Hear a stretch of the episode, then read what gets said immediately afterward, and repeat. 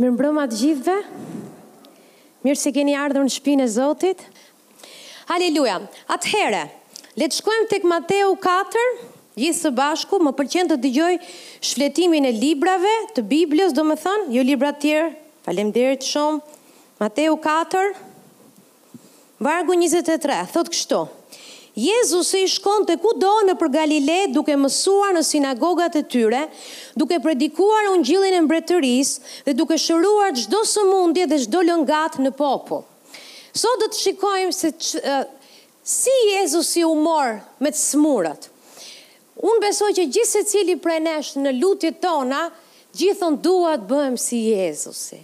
Më bë të ec si Jezusi, më bë të veproj si Jezusi. Nëse doni të bëheni si Jezusi, ju duhet të shikoni tek të katër ungjijtë se si Jezusi vepronte. Amen? Në mënyrë që t'i ngjasojmë atij. Dhe ai thotë që veprat që kam bërë unë do t'i bëni edhe ju. Sepse keni besuar tek mua. Amen. Haleluja. Dhe shikoni se çfarë bëri Jezusi. Bëri tre gjëra. Jezusi shkonte kudo nëpër Galile duke mësuar, një, në sinagogat e tyre, duke predikuar, dy, ungjillin e mbretërisë dhe duke shëruar çdo sëmundje dhe çdo lëngatë në popull. Çdo sëmundje dhe çdo lëngatë në popull. Domethënë Jezusi bëri tre gjëra, ai mësoi, ai predikoi dhe ai shëroi. Predikimi është shpallja e lajmit të mirë, ti vë shpall një lajm të mirë. Dhe mbasi ti e dëgjon lajmin e mirë, ti inkurajohesh për ta besuar këtë lajm të mirë. Pastaj shërohesh sepse shtrihen duart mbi ty dhe ti shërohesh. Por ti duhet të dish se si ta mbash këtë shërim. Ti duhet të dish çfarë është ky lajm i mirë dhe prandaj Jezusi mësoi. Kurse të mësuarit është si funksionon lajmi i mirë, ç'a është lajmi i mirë? Ç'a është shërimi? Amen. Predikimi është shumë i rëndësishëm, por mësimi të bën ta mbash ty atë që të është dhënë. Amen. Ti ke nevojë ta dish si mund të shërohesh, si mund ta mbash, e dini sa njerëz njoh unë që shërohen dhe më pas e humbasin shërimin e tyre rrugës? Pse? Sepse nuk e mbushin veten, nuk marrin kohë të mësojnë nga fjala e Perëndisë se çfarë Bibla thotë se si ti të rrish i shëndetshëm gjithë ditët e jetës tënde. Sepse ti mund të shërohesh nga shtrirja e duarve nga njerëzit e vajosur të Zotit. Por në qoftë se ti nuk di të luftosh për veten tënde për ta mbajt këtë mrekulli dhe nuk e mëson fjalën e Zotit, ti do ta humbasësh atë përsëri. A më kuptoni? Kështu që është shumë e rëndësishme. Jezusi i bëri këto gjëra gjatë gjithë kohës, shkoi kudo nëpër Galile. Shkoi kudo nëpër Galile dhe ai mësoi Ai predikoi dhe ai shëroi të gjithë. Amen. Është shumë e rëndësishme dhe këtë gjë duhet të bëjmë edhe ne.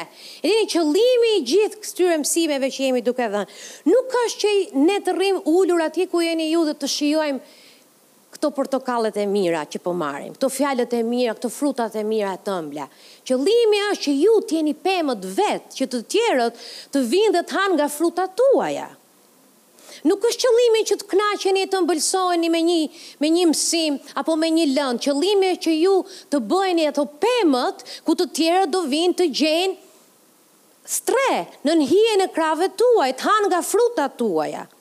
Dhe fjala e Zotit është kaq praktike që nëse ti e vendos në praktikë, ti do të jesh ajo pema e mbjellë në kopshtet e Perëndisë që do të japë frut në çdo stinë, që të tjerët të vijnë të hanë. E gjethet e tua të jenë për shërim, e frutat gjithashtu. Haleluja! Kështu që qëllimi i gjithçkaje që jemi duke folur është që ti ta vesh në praktikë, të shkosh atje jashtë, aty ku janë të lënguarit, tek aty ku janë të munduarit dhe të bësh veprat e Jezusit. Amen? Haleluja! Ky është qëllimi, jo vetëm të kënaqemi për momentin, mësova një gjë të re.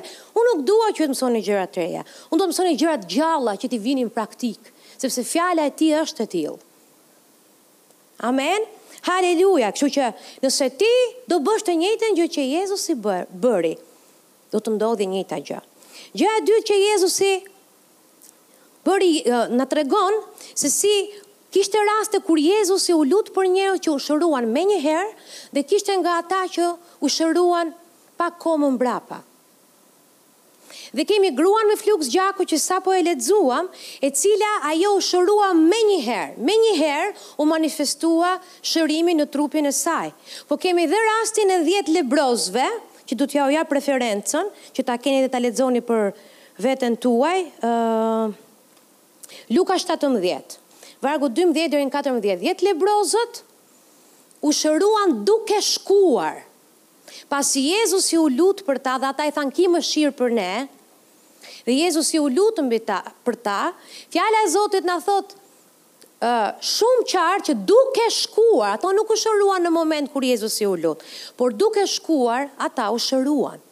Dhe Një nga kleçkat që i ligu përdor që besimtarët të heqin dorë nga mrekullitë e tyre që kanë lidhje me shëndetin është se nëse nuk manifestohen në moment ato heqin dorë dhe nuk nuk qëndrojnë për atë për cilën dolën përpara për të marrë. Ka disa shërime që ndodhin menjëherë. Ka disa të tjera që ndodhin proces. Prandaj dhe fjala e Zotit thotë që restaurues. Amen doktor qepës dikush që qep që po qepja kërkon pak kohë Amen Kështu që Jehova Rafa në të shëroft në sekond apo duke shkuar ti në shpinë tënde ti duhet të sillesh njësoj në të dyja rastet e ke marrë në atë moment që ti the se e more Mos bini pre e gënjeshtrave të të ligut po qëndroni për atë çfarë Zoti Jezus ju ka dhënë atë moment që ti e besove mos e aborto me gojën tënde atë që tashmë e ke ngjizur sepse çfarë unë dëgjoj rëndom isha duke folur një ditë me me me dikë shumë të dashur për zemrën time që kishte sfida me shëndetin vazhdimisht e vazhdimisht e vazhdimisht thash po e ke bërë këtë dhe po i tregoja hapat e Ça fjala e Zotit na mëson që duhet bërë. Dhe më thoshte, këto i kam bërë, këto i kam bërë, këto i kam bërë, dhe në faktikisht, tregonte që i kishte bërë të gjitha. Por, nëse ti e dëgjoje si fliste me mua, kur po pinim kafe, ajo, gjatë gjithë kohës thoshte, sa e smur ishte, Sa e pamundur ishte situata e saj, kështu që nëse ti mund të flasësh një gjë tjetër në lutje dhe mbasi del nga lutja, mënyra si ti jeton dhe mënyra se si ti flet për atë që ti thua se e more aty, ka të tregon shumë se ku është besimi yt.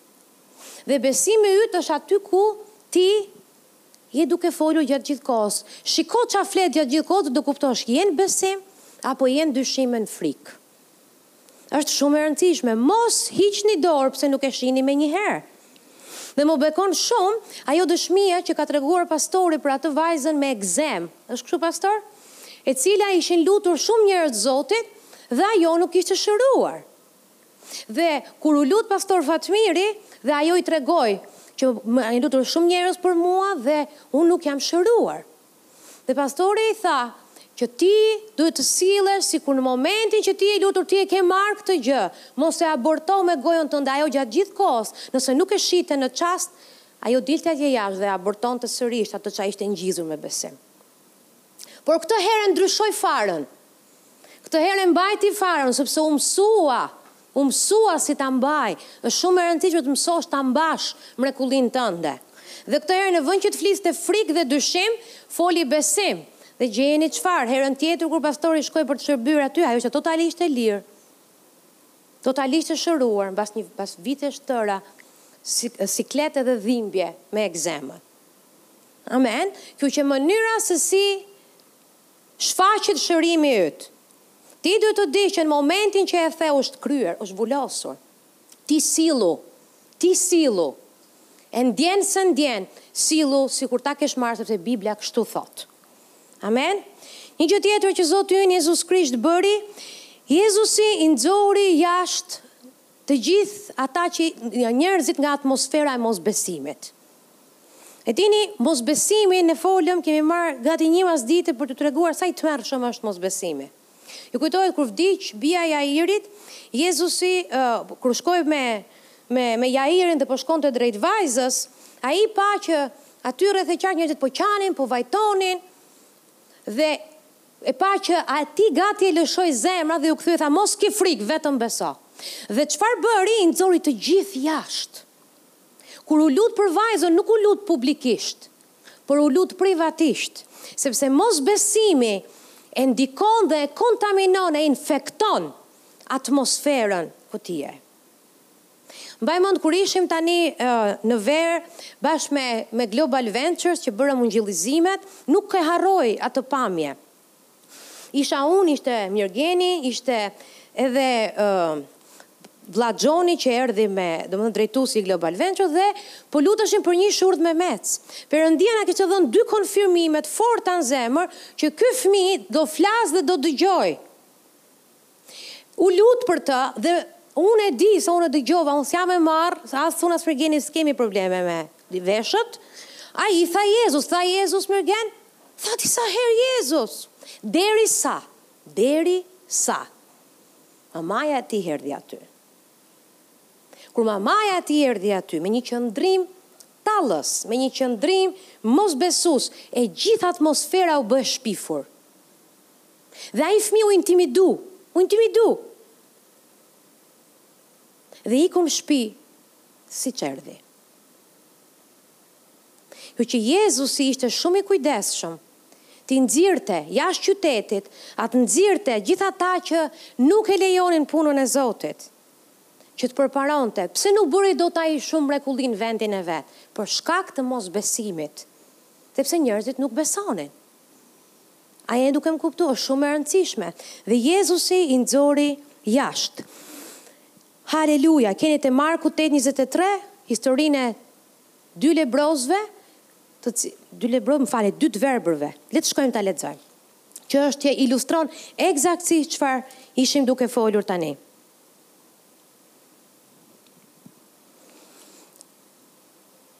Pastaj do të arriti në Betsaida dhe i prun një të verbër që nka një, dhe iu lutën ta prekte, atëherë e mori për dore të verbrin dhe e nxori jashtë fshatit. Dhe pastaj i pushtyu në sy dhe vuri duart mbi të e pyeti nëse shihte gjë. Dhe ai, duke hapur sytë, tha, Po, shoh njerëz si pemë që ecin. Atëherë Jezusi i vuri përsëri duart mbi sytë e tij dhe e bëri të shikojë lart, dhe atij iu kthye të parit dhe shikonte qartë gjithçka. Dhe Jezusi e nisi të shkojë në shtëpinë e tij, duke thënë, Mos hyr në fshat dhe mos ia trego askujt në fshat.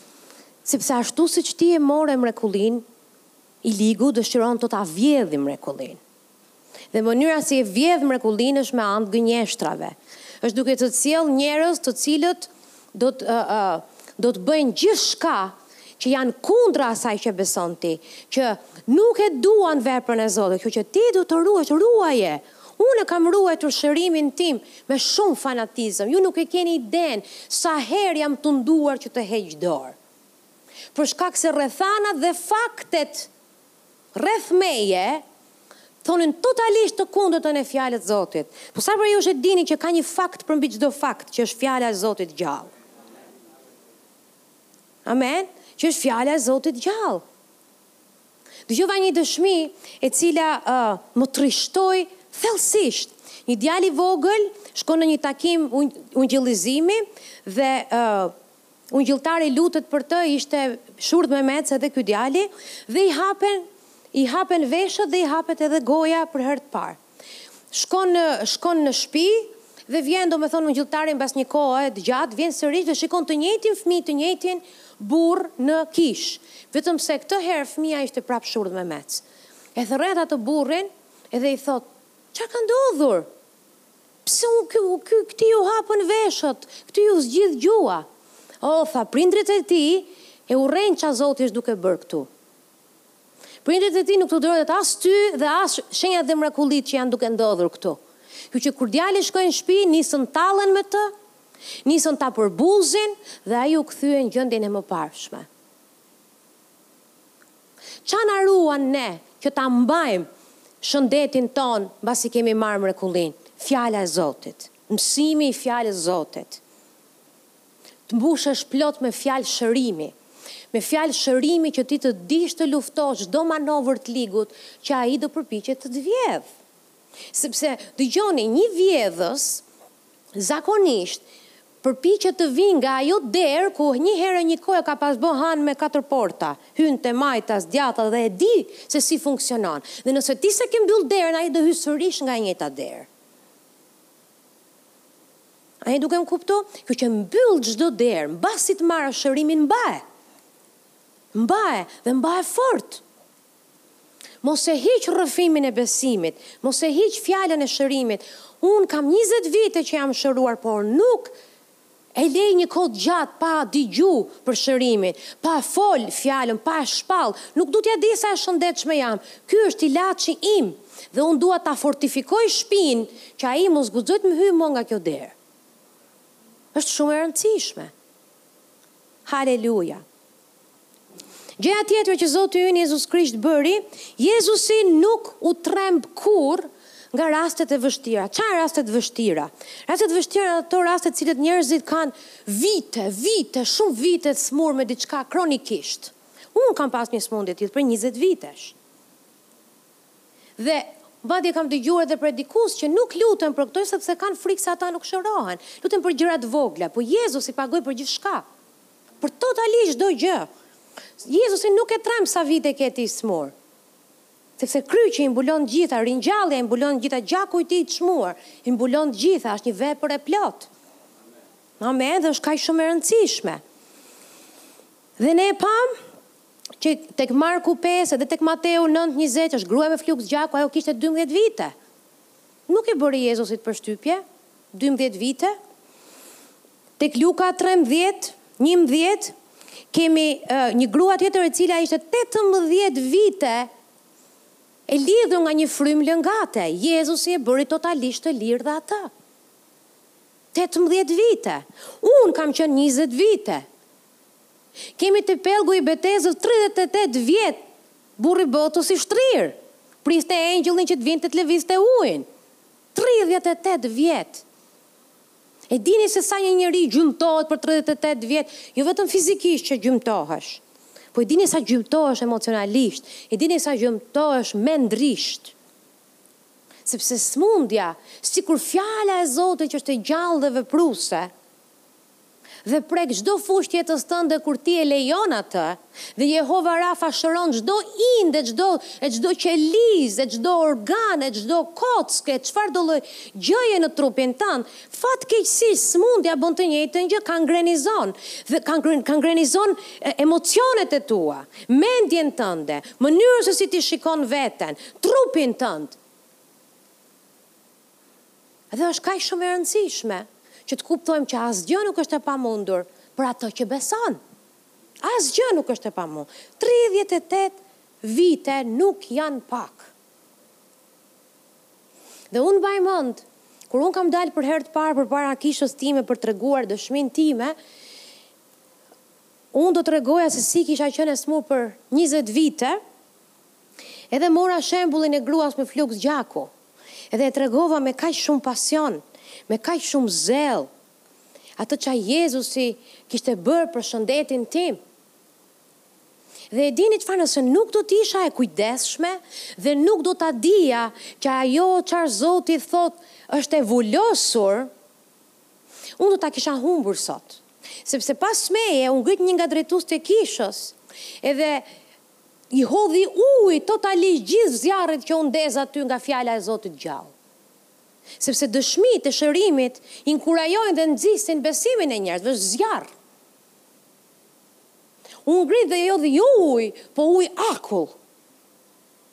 Dhe tha le t'i lutemi Zotit që në ndonjë mënyrë ta çojmë Silvën jasht të kurohet. Tani unë isha bebe në besim. Dhe nëse unë nuk do ta dija me sytë e mi, sepse unë jam shëruar nga besimi im, jo i askujt tjetër. Nëse unë nuk do ta dija që Isaia pesëdhjetë e tre, katër, pesë, nuk është i vërtetë dhe mos ta kisha parë me sytë e mi, dhe ta dija dhe ta dija që Zoti im nuk gënjen nëse e ka thënë, e ka bërë, diçka nuk shkon këtej, nga kjo ana tjetër. Kjo që unë zgjedh të rri në krah me Zotin. Do ta kisha humbur. Sepse unë kisha beteja në kishë, unë kisha beteja në shpi, dhe unë kisha beteja në trupin tim. Kisha shumë zëra që përpiqeshin të më flisnin atje jashtë. Trupi im kishte një zë i cili më dhimbte. Kisha kishte një zë që me gjithë dashamirësinë e tyre dhe i dua shumë dhe kam mësuar shumë prej tyre, po shërimi nuk ishte një nga gjërat që unë kam mësuar prej tyre, sepse nuk kishin dritë për vete. Dhe unë do të isha jo gjallë sot. Realisht para Zotit ja u them. Nëse unë nuk do ta kisha njohur personalisht atë ça Jezusi ka bërë, nuk do isha këtu sot. Qëndrova, shpeshherë jam ndjerë e marrë të qëndrosh.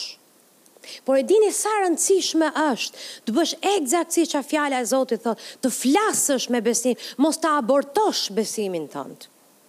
Dhe i ligu sigurohej që unë të kisha siptoma para syve të kishës.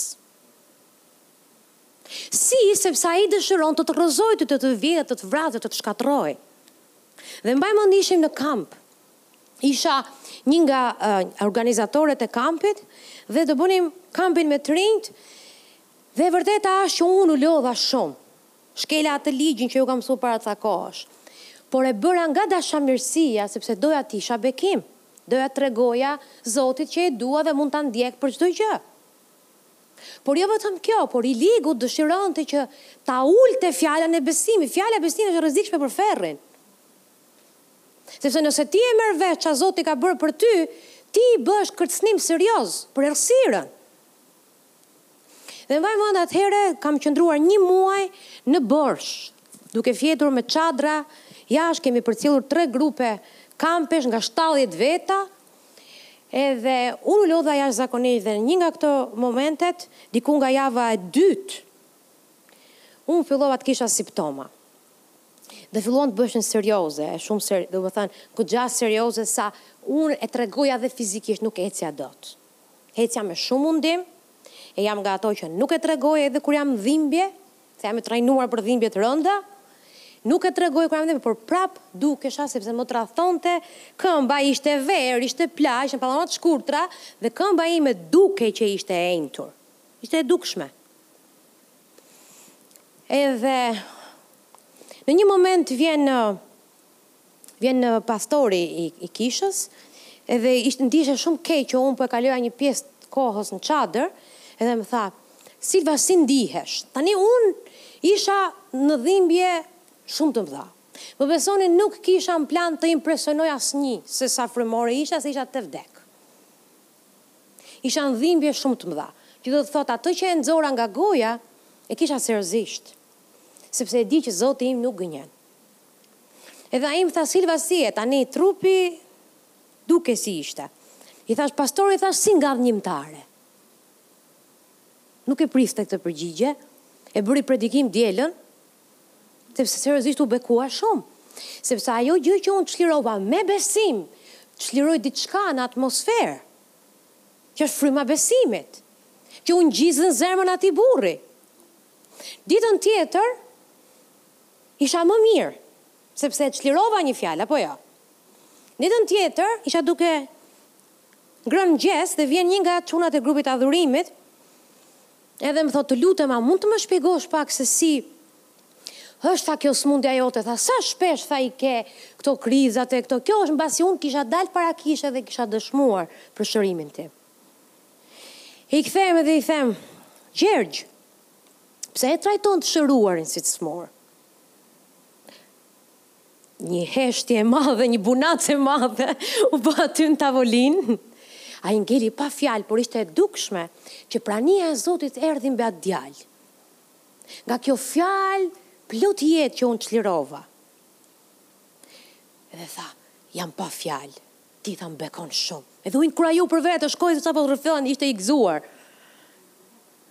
Mënyra se si ti qëndron do të përcaktojë jo vetëm për veten tënde, po për edhe ata që të vëzhgojnë ty, e të shofin ty, që a je vetëm besimtar me fjalë, a je besimtar me vepra, dhe unë isha vetëm besimtare si ju, s'isha as shërbyse, asgjë prej gjëje, fëmijë e Zotit. Fëmijë e Zotit. Madje fëmijë shumë i vogël i Zotit. E vogël fare. Bebe. Ama kisha dëgjuar që ai shëron dhe ai s'gënjen. Kaq zbulesë kisha nga Bibla. Haleluja se më mbajti gjallë. Kjo gjë është shumë e rëndësishme. Mbajini mrekullitë tuaja, mos i lëshoni. Sepse janë është paguar shtrenjtë për to. Shumë shtrenjtë ka paguar Zoti ynë Jezus Krisht. Amen. Qërohuni nga atmosfera e mosbesimit, bëni sikur Jezusi. Bëni sikur Jezusi, si ashtu siç ne folëm deri tani. Është shumë e rëndësishme. Doni t'i ngjani Jezusit, bëni si ai. Por do të kërkojë që ky mishi të vdesi. Edhe mbaj mend kur ë uh, Lexoja Abrahamin dhe isha me dhimbje që thotë ai nuk e konsideroi trupin e tij të bërë tashmë si i vdekur, doja të thotë ai të paktën s'kishte dhimbje. I vdekur boll ishte, po s'kishte pikë dhimbje burri i botës, unë vdiqa! Dhe nuk është e lehtë, se Abrahami shterpë ishte bekimi. S'kishte dhimbje, po duronte tallje, unë nuk po e minimizoj, mos më keqkuptoni, se ai ishte ati i besimit. Jam e bindur që ka kaluar sfida jashtëzakonisht të mëdha përderisa Bibla thotë që ai shpresoi kundër çdo shprese. Po po e shikoja nga perspektiva ime si e vogël si Eilisi.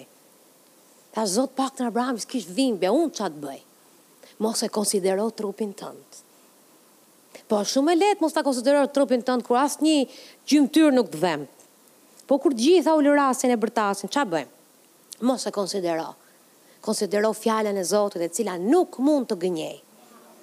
Amen. Haleluja! Dhe kjo është beteja jote. Do ta kesh për pak kohë, derisa i ligu ta marri mirë një mësim, që kjo derë qenka mbyllur dhe unë s'paskam vend më. Amen. Është shumë e rëndësishme. Haleluja po bekoheni?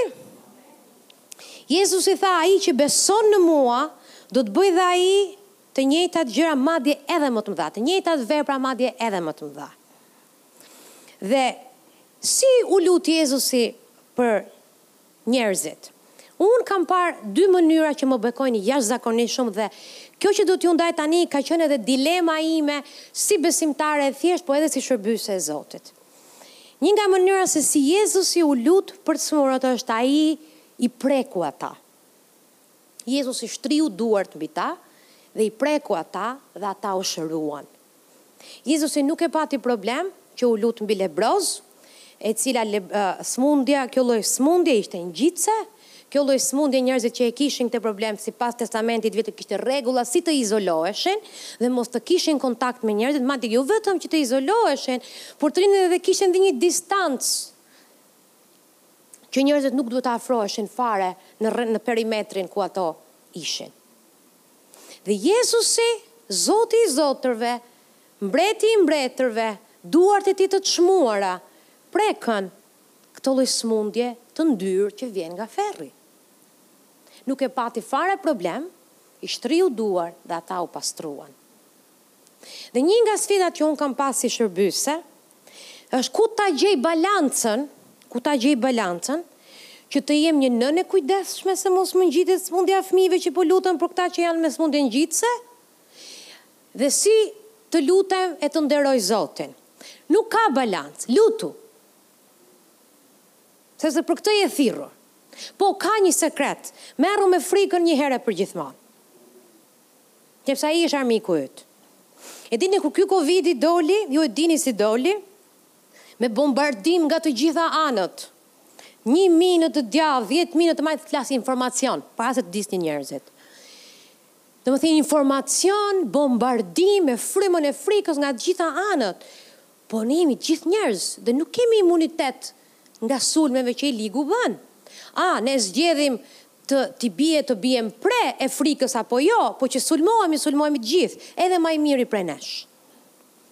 Dhe kur kjo gjëja doli, ky demoni me emrin koronë, kovid, ça ma ka, kur doli kjo, të jem e ndershme jo e kam pas sfidë, Sepse kisha ha, se po më vijnë njerëz në kishë me këtë problem dhe si të lutem që mos shkojnë në shpi dhe do t'ia ngjisë fëmijëve të mi apo vetes time e të bëhet një luftë e madhe këtu në kokë ik e vrit veten se do bëhesh, çmendesh si të futesh në atë vorbull si të futesh në atë lavatrice në procesin e e tharjes më fal jo tharjes shtrydhjes një mijë xhiro për sekond Kupton ti je bër si ai shumë keq domethënë. Dhe kisha shumë sfidë. Si të lutemi për këta? Dhe mbaj mend, kemi qenë, thuam se njerëzit janë shumë të bekuar. Sa prej nesh mendojmë që njerëzit janë shumë të mirë. Ah, sa të mirë që janë o Zot i Madh. Na erdhi një grua shumë e dashur që e duam shumë. Edhe tha pastor, lutuni për mua, na përqafoi, na puthi, u lutëm për të, para se të ikte na tha që ishte me Covid. Të erdhi për qesh o zemra ime vogël? Para se të ikte, na tha që ishte me Covid. O Zot i madh, betejën që m'u desh ta kaloj nga kisha derisa dolëm në autostradë. S'kam lënë, domethënë, s'kam s'ka ngel gënjeshtër edhe inskenim në mendje, është është është e mrek, është e jashtëzakonshme se si i ligu të sjell një mijë e njëqind e njëzet filma për tre sekonda.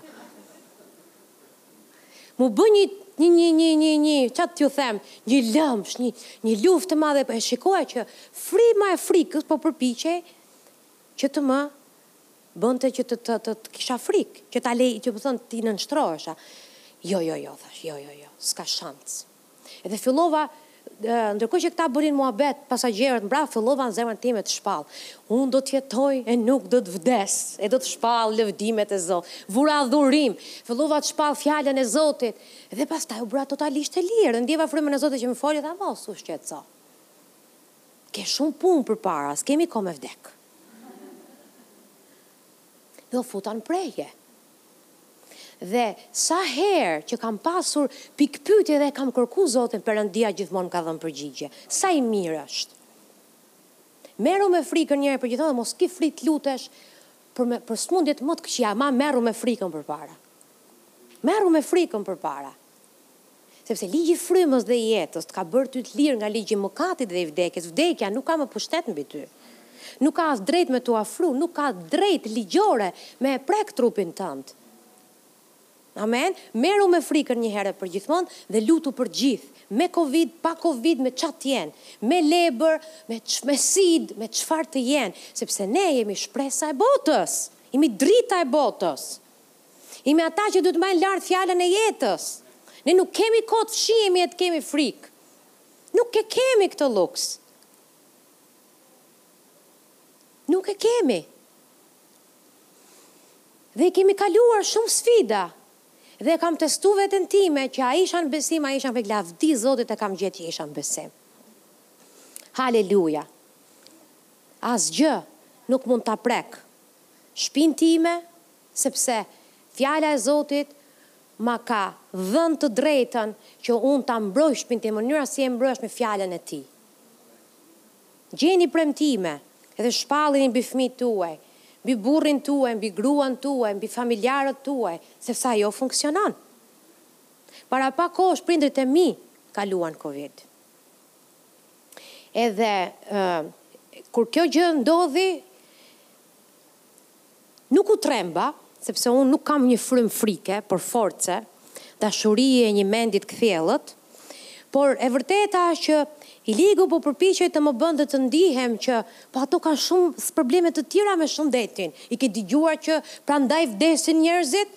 Thashë, Po mor zotëri, e kam dëgjuar, po jo të mitë. Të mitë jo. Të tutë mbase, po të mitë jo. Të mitë jo. Sepse ato janë familja ime dhe asnjë plagë nuk do t'i afrohet çadrës time. Dhe e kam ndje drejtimin e Zotit, shkova një ditë te shpia e tyre, pa i rënë derës, shtriva duart mbi shpi edhe thash shpall gjakun e çmuar t'Jezusit, i vetmi që ka drejt në këtë shpi është Fryma e Zotit gjallë. Dhe ringjallja dhe jeta i jep jetë trupave të tyre vdekatar. Ata nuk janë përçues Covid-i, ato nuk janë përçues smundja, ata janë përçues jete se janë fëmijët e Perëndisë.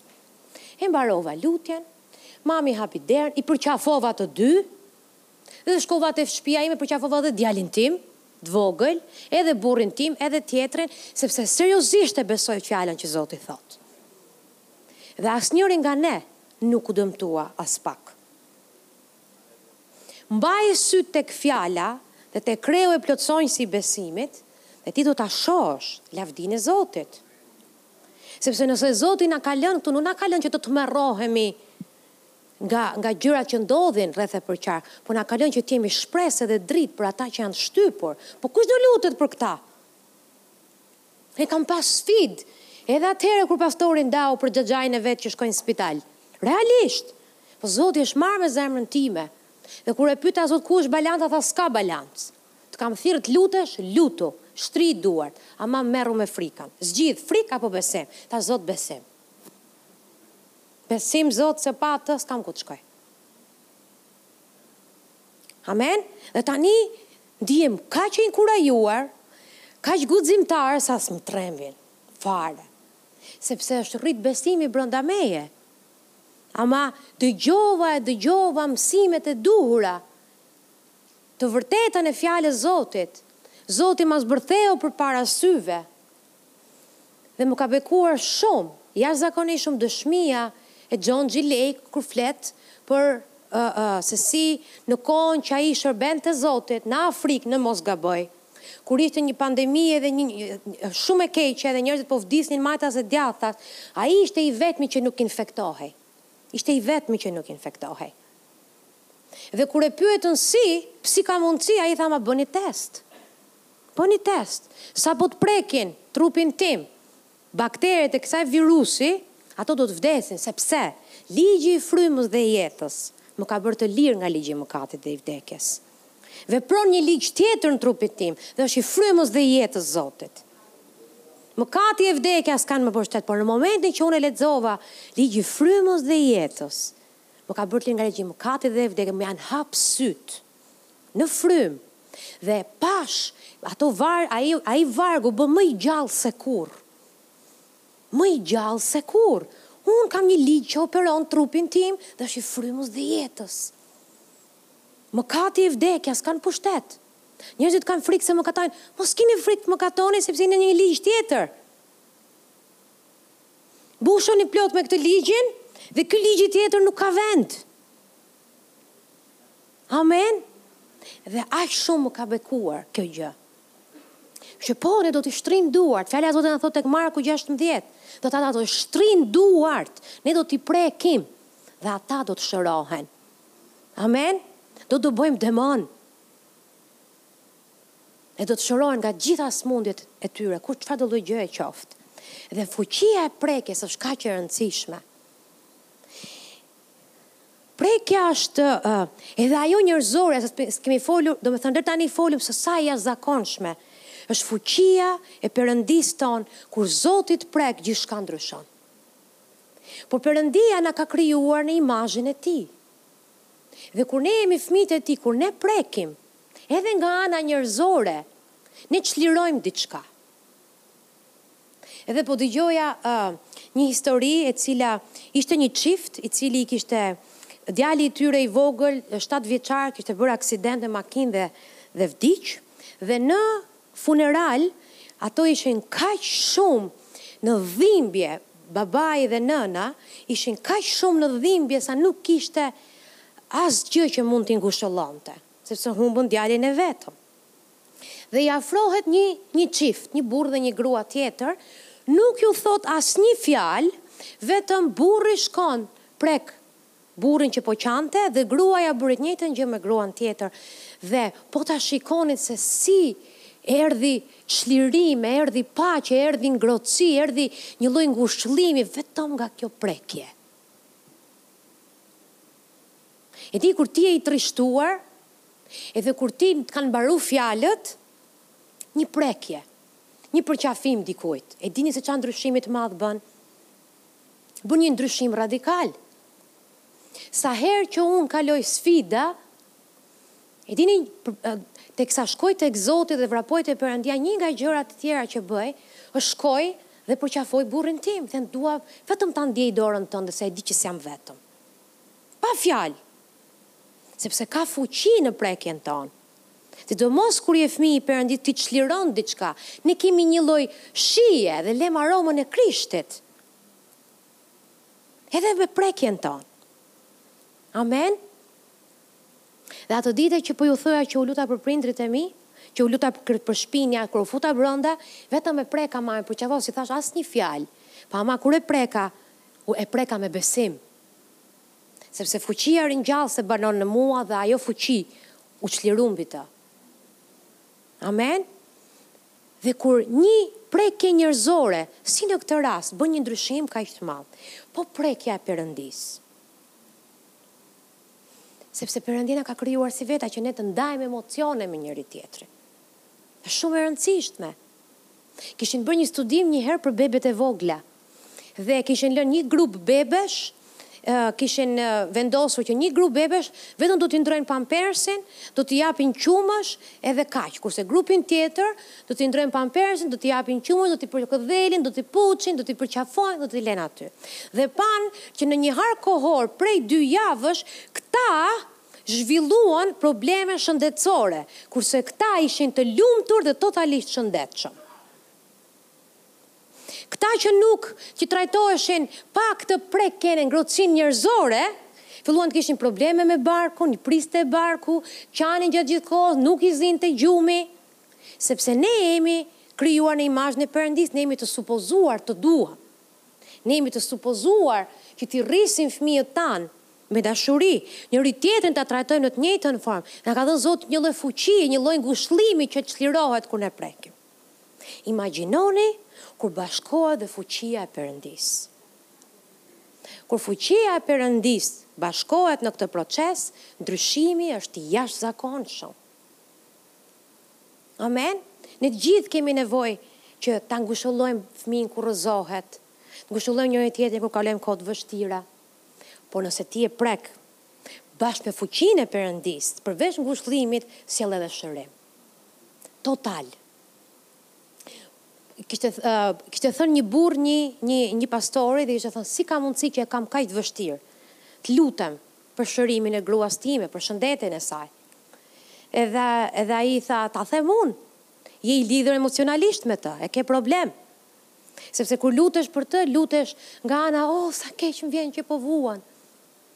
Nuk je duke luftuar në frymë, je duke luftuar emocionalisht. Ti ke nevojë të luftosh në frymë dhe të bëhesh i egër me sëmundjen. E mbaj mend shumë herë kur kemi kalu sfida shëndetësore në familjen tonë, pastori dukej si, si t'ja u them unë, si njeri pa ndjenja. Dhe shpesh herë në, në kishte raste që realisht acarohesha, po ty s'të dhemb që unë po vuaj? Po zemër tha më dhemb, po s'kemi kohë që të, të ndajmë emocione, kemi në mend të merrem me satanin. Dhe kishte të drejtë. Në momentin që ti je duke u lutur që të dëbosh një dhimbje a një sëmundje, nuk ka kohë për emocione aty. Aty ke kohë për luftë. Dhe këtë gjë e ka bërë rregullisht. Do thënë, ishte edhe tani e di që e bënte me vendim. Përpiqej mos të merreshe dhe mos të ndikoheshe emocionalisht që unë po vuaja dhe merreshe në mënyrë agresive me problemin. Duhet t'i ndajmë këto. Ka një kohë për ta ngushllu dikë nga ana njerëzore, po ka një kohë për të luftu në frymë, dhe kjo prekja këtu është shumë më e rëndësishme se sa kjo këtu. A jeni duke më kuptu, është shumë e rëndësishme. Në momentin që lutesh për gruan tënd dhe për burrin tënd, në atë moment sillu sikur s'e njeh, dhe lutu si për çdo njeri tjetër, dhe çliro të njëjtin besim, në mënyrë që të shikosh frutat e asaj çfarë fjala e Zotit thotë. Amen, është shumë e rëndësishme. Kur Zoti Jezus i prekte të smurët, ata bëheshin të lirë. Amen! Ai i preku dhe ata u shëruan. Haleluja! Marku 8.15 është vjehrra e Pjetrit, e cila Jezusi e preku dhe atë e lanë ethet. Ai u lut për të, atë e lanë ethet menjëherë dhe u çua të bënte darkën. Kemi të verbrin që sa e lexuam, Jezusi i preku sytë e tij dhe ai u shërua. Kemi gjithashtu dhe lebrozët, të cilët Jezusi i preku dhe ata u shëruan. Kështu që kur ti je duke u lut për të smurët, Dhembshuria është ajo që na bën të shkojmë tek të smurët, po në momentin që lutesh për të smurët, ti duhet të çlirosh besim. Amen? Ti duhet të çlirosh besim e të jesh i dhunshëm në Zotin, në mënyrë që të marrësh atë çfarë fjala e Zotit premton. Është shumë e rëndësishme. Haleluja. Mënyra tjetër se si Jezusi shëroi Është do ta gjejmë tek Mateu tetë, le të shkojmë atje së bashku.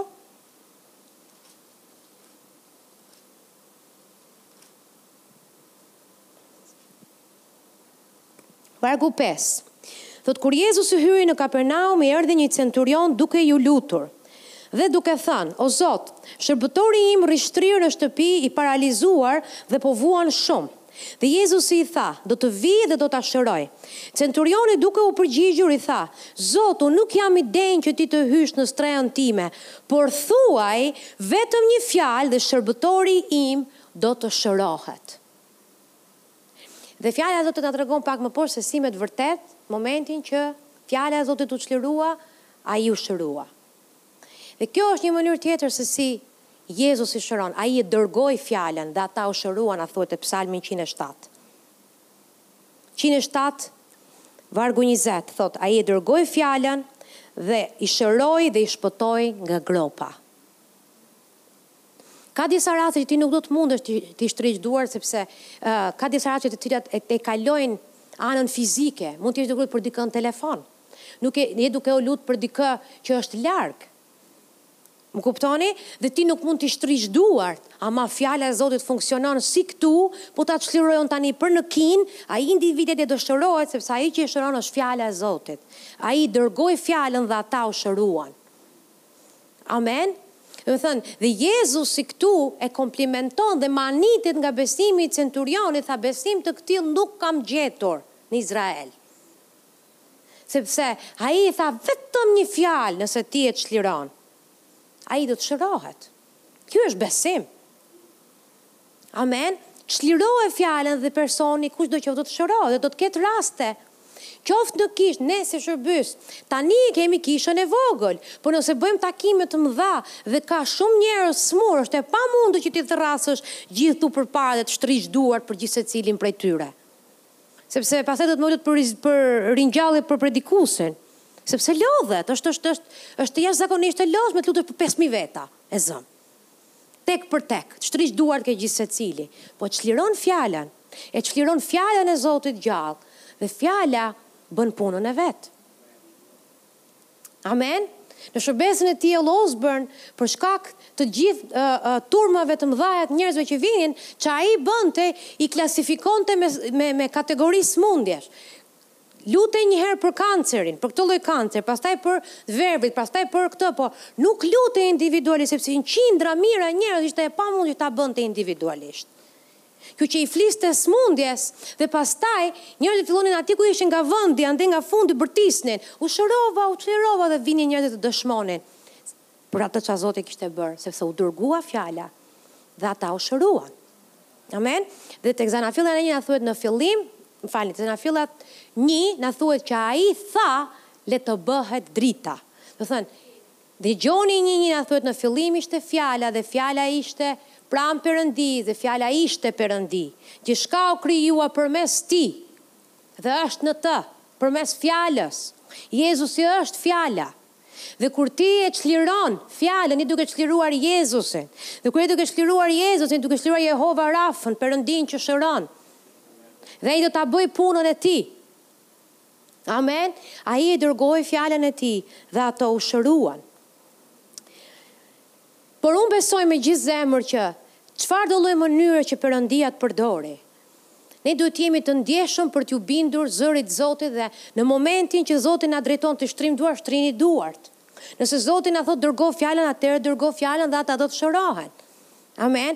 Nuk do të, sepse disa njerëz shumë herë ça ndodh, mbështeten kaq shumë pas një lloj mënyre dhe fiksohen me një lloj mënyre dhe pastaj nuk marrin më rezultat sepse Zoti na na, na do që të ecim me anë drejtimit frymës, jo me mënyrën. Amen. Ka raste që do të shtrish duart mbi dikë, po ka raste që do të flasësh, do ta shpallësh atë gjë dhe ajo do të bëhet. Amen. Ka raste Jezusi, për shembull, kishte në këtë rastin që lexuam, ai i pështyu në sy, të lutem mos shko të pështysh çdo të verbër që sheh. Se do bësh si Jezusi. Po, po Jezusi ishte i drejtuar atë moment. Amen. Domethënë Perëndia mund të drejtojë në mënyra të ndryshme, po të drejton ai specifikisht. Edhe pse i pështyu një herë, nuk u lut për çdo të verbër duke i pështyrë atë, pu, gjithë secilin që shikonte. Jo. Jezusi do që ti të mbështetesh tek Perëndia, dhe nëse Ai të drejton diçka specifikisht, ndonjë instruksion, bindu instruksionit. Po mos u ngjit mbas mbas mbas mënyrës dhe harron fuqinë e Perëndisë. Dhe kur tregojnë për Smith Wigglesworth që ai lutej për ringjalljen e të vdekurve, ça bënte ai? Shumicën e rasteve i përplaste mbas muri. Kjo s'do të thotë që i kapim të vdekurit e i përplasim gjithë mbas muri. Ajo është mënyra se si Zoti drejtonte atë, por nuk do të thotë patjetër që ringjallen ashtu vetëm. Amen? Se kush i ringjalli nuk kishte përplasje mbas muri, u tund ai dhe erdhi në vete, siç tha ai zotëria që tregoi pastor herën e kaluar, ju kujtohet? Që tha ju hapun veshët, tha edhe goja tha se u tund makina. Heu! Shumë e thellë. Jo, ato nuk ringjallen se ai i tundte dhe i shkunte. Ai po merrej me frymën e vdekjes. Dhe nëse në atë moment Zoti i ka dhënë këtë lloj drejtimi, amen aleluja është drejtimi i tij ti merru me tëndin. Drejtimi përcaktu te fjala, mënyrën ta tregon Zoti në kohën e duhur. Amen fjala e bën ndryshimin ti dhe unë nuk shërojmë dot asnjë mizë kurse Zoti e bën gjithë tjetrën. Amen detyra ime dhe e jotja të çlirojmë besimin.